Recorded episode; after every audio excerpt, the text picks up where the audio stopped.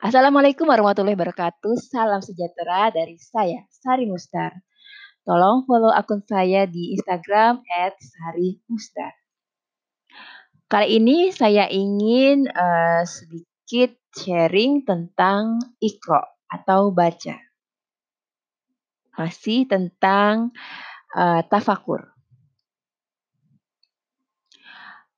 Kalau aku membaca Al-Quran untuk kaya, sehat, senang, apakah aku akan tetap berprasangka baik jika Allah memberikan sakit, mengambil hartaku, mengambil suamiku, mengambil istriku, mengambil anak-anakku? Apakah aku akan bisa tabah menghadapi ujian yang tidak enak ini? Setiap malam Jumat, aku membaca surat Al-Kahfi tapi aku gagal paham hikmah dari cerita Ashabul Kahfi.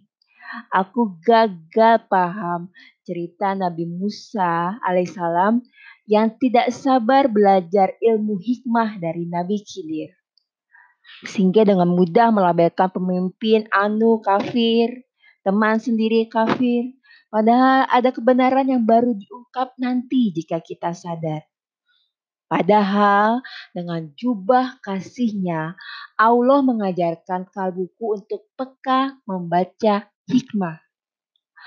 Kalau hidup hanya dipenuhi ego, nafsu, memaksa Allah selaras dengan nafsu keinginanku, bagaimana aku bisa peka membaca ayat-ayat Allah yang tersebar di alam semesta yang Allah tunjukkan setiap detik Bagaimana aku bisa peka pada kesusahan orang lain?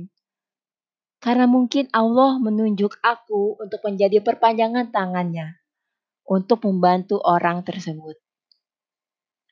Ikro. Baca. Sesungguhnya Allah bicara pada kita dengan fakta-fakta di setiap kehidupan kita. Al-Quran adalah intisari dan pedoman hidup. Bukan mantra yang baru dibaca jika ada keinginan duniawi. Bukan dalil-dalil untuk merasa paling benar, tapi gagal sebagai manusia yang manusiawi. Sekian dari saya, semoga bermanfaat. Jangan lupa follow Instagram saya @sarimustar.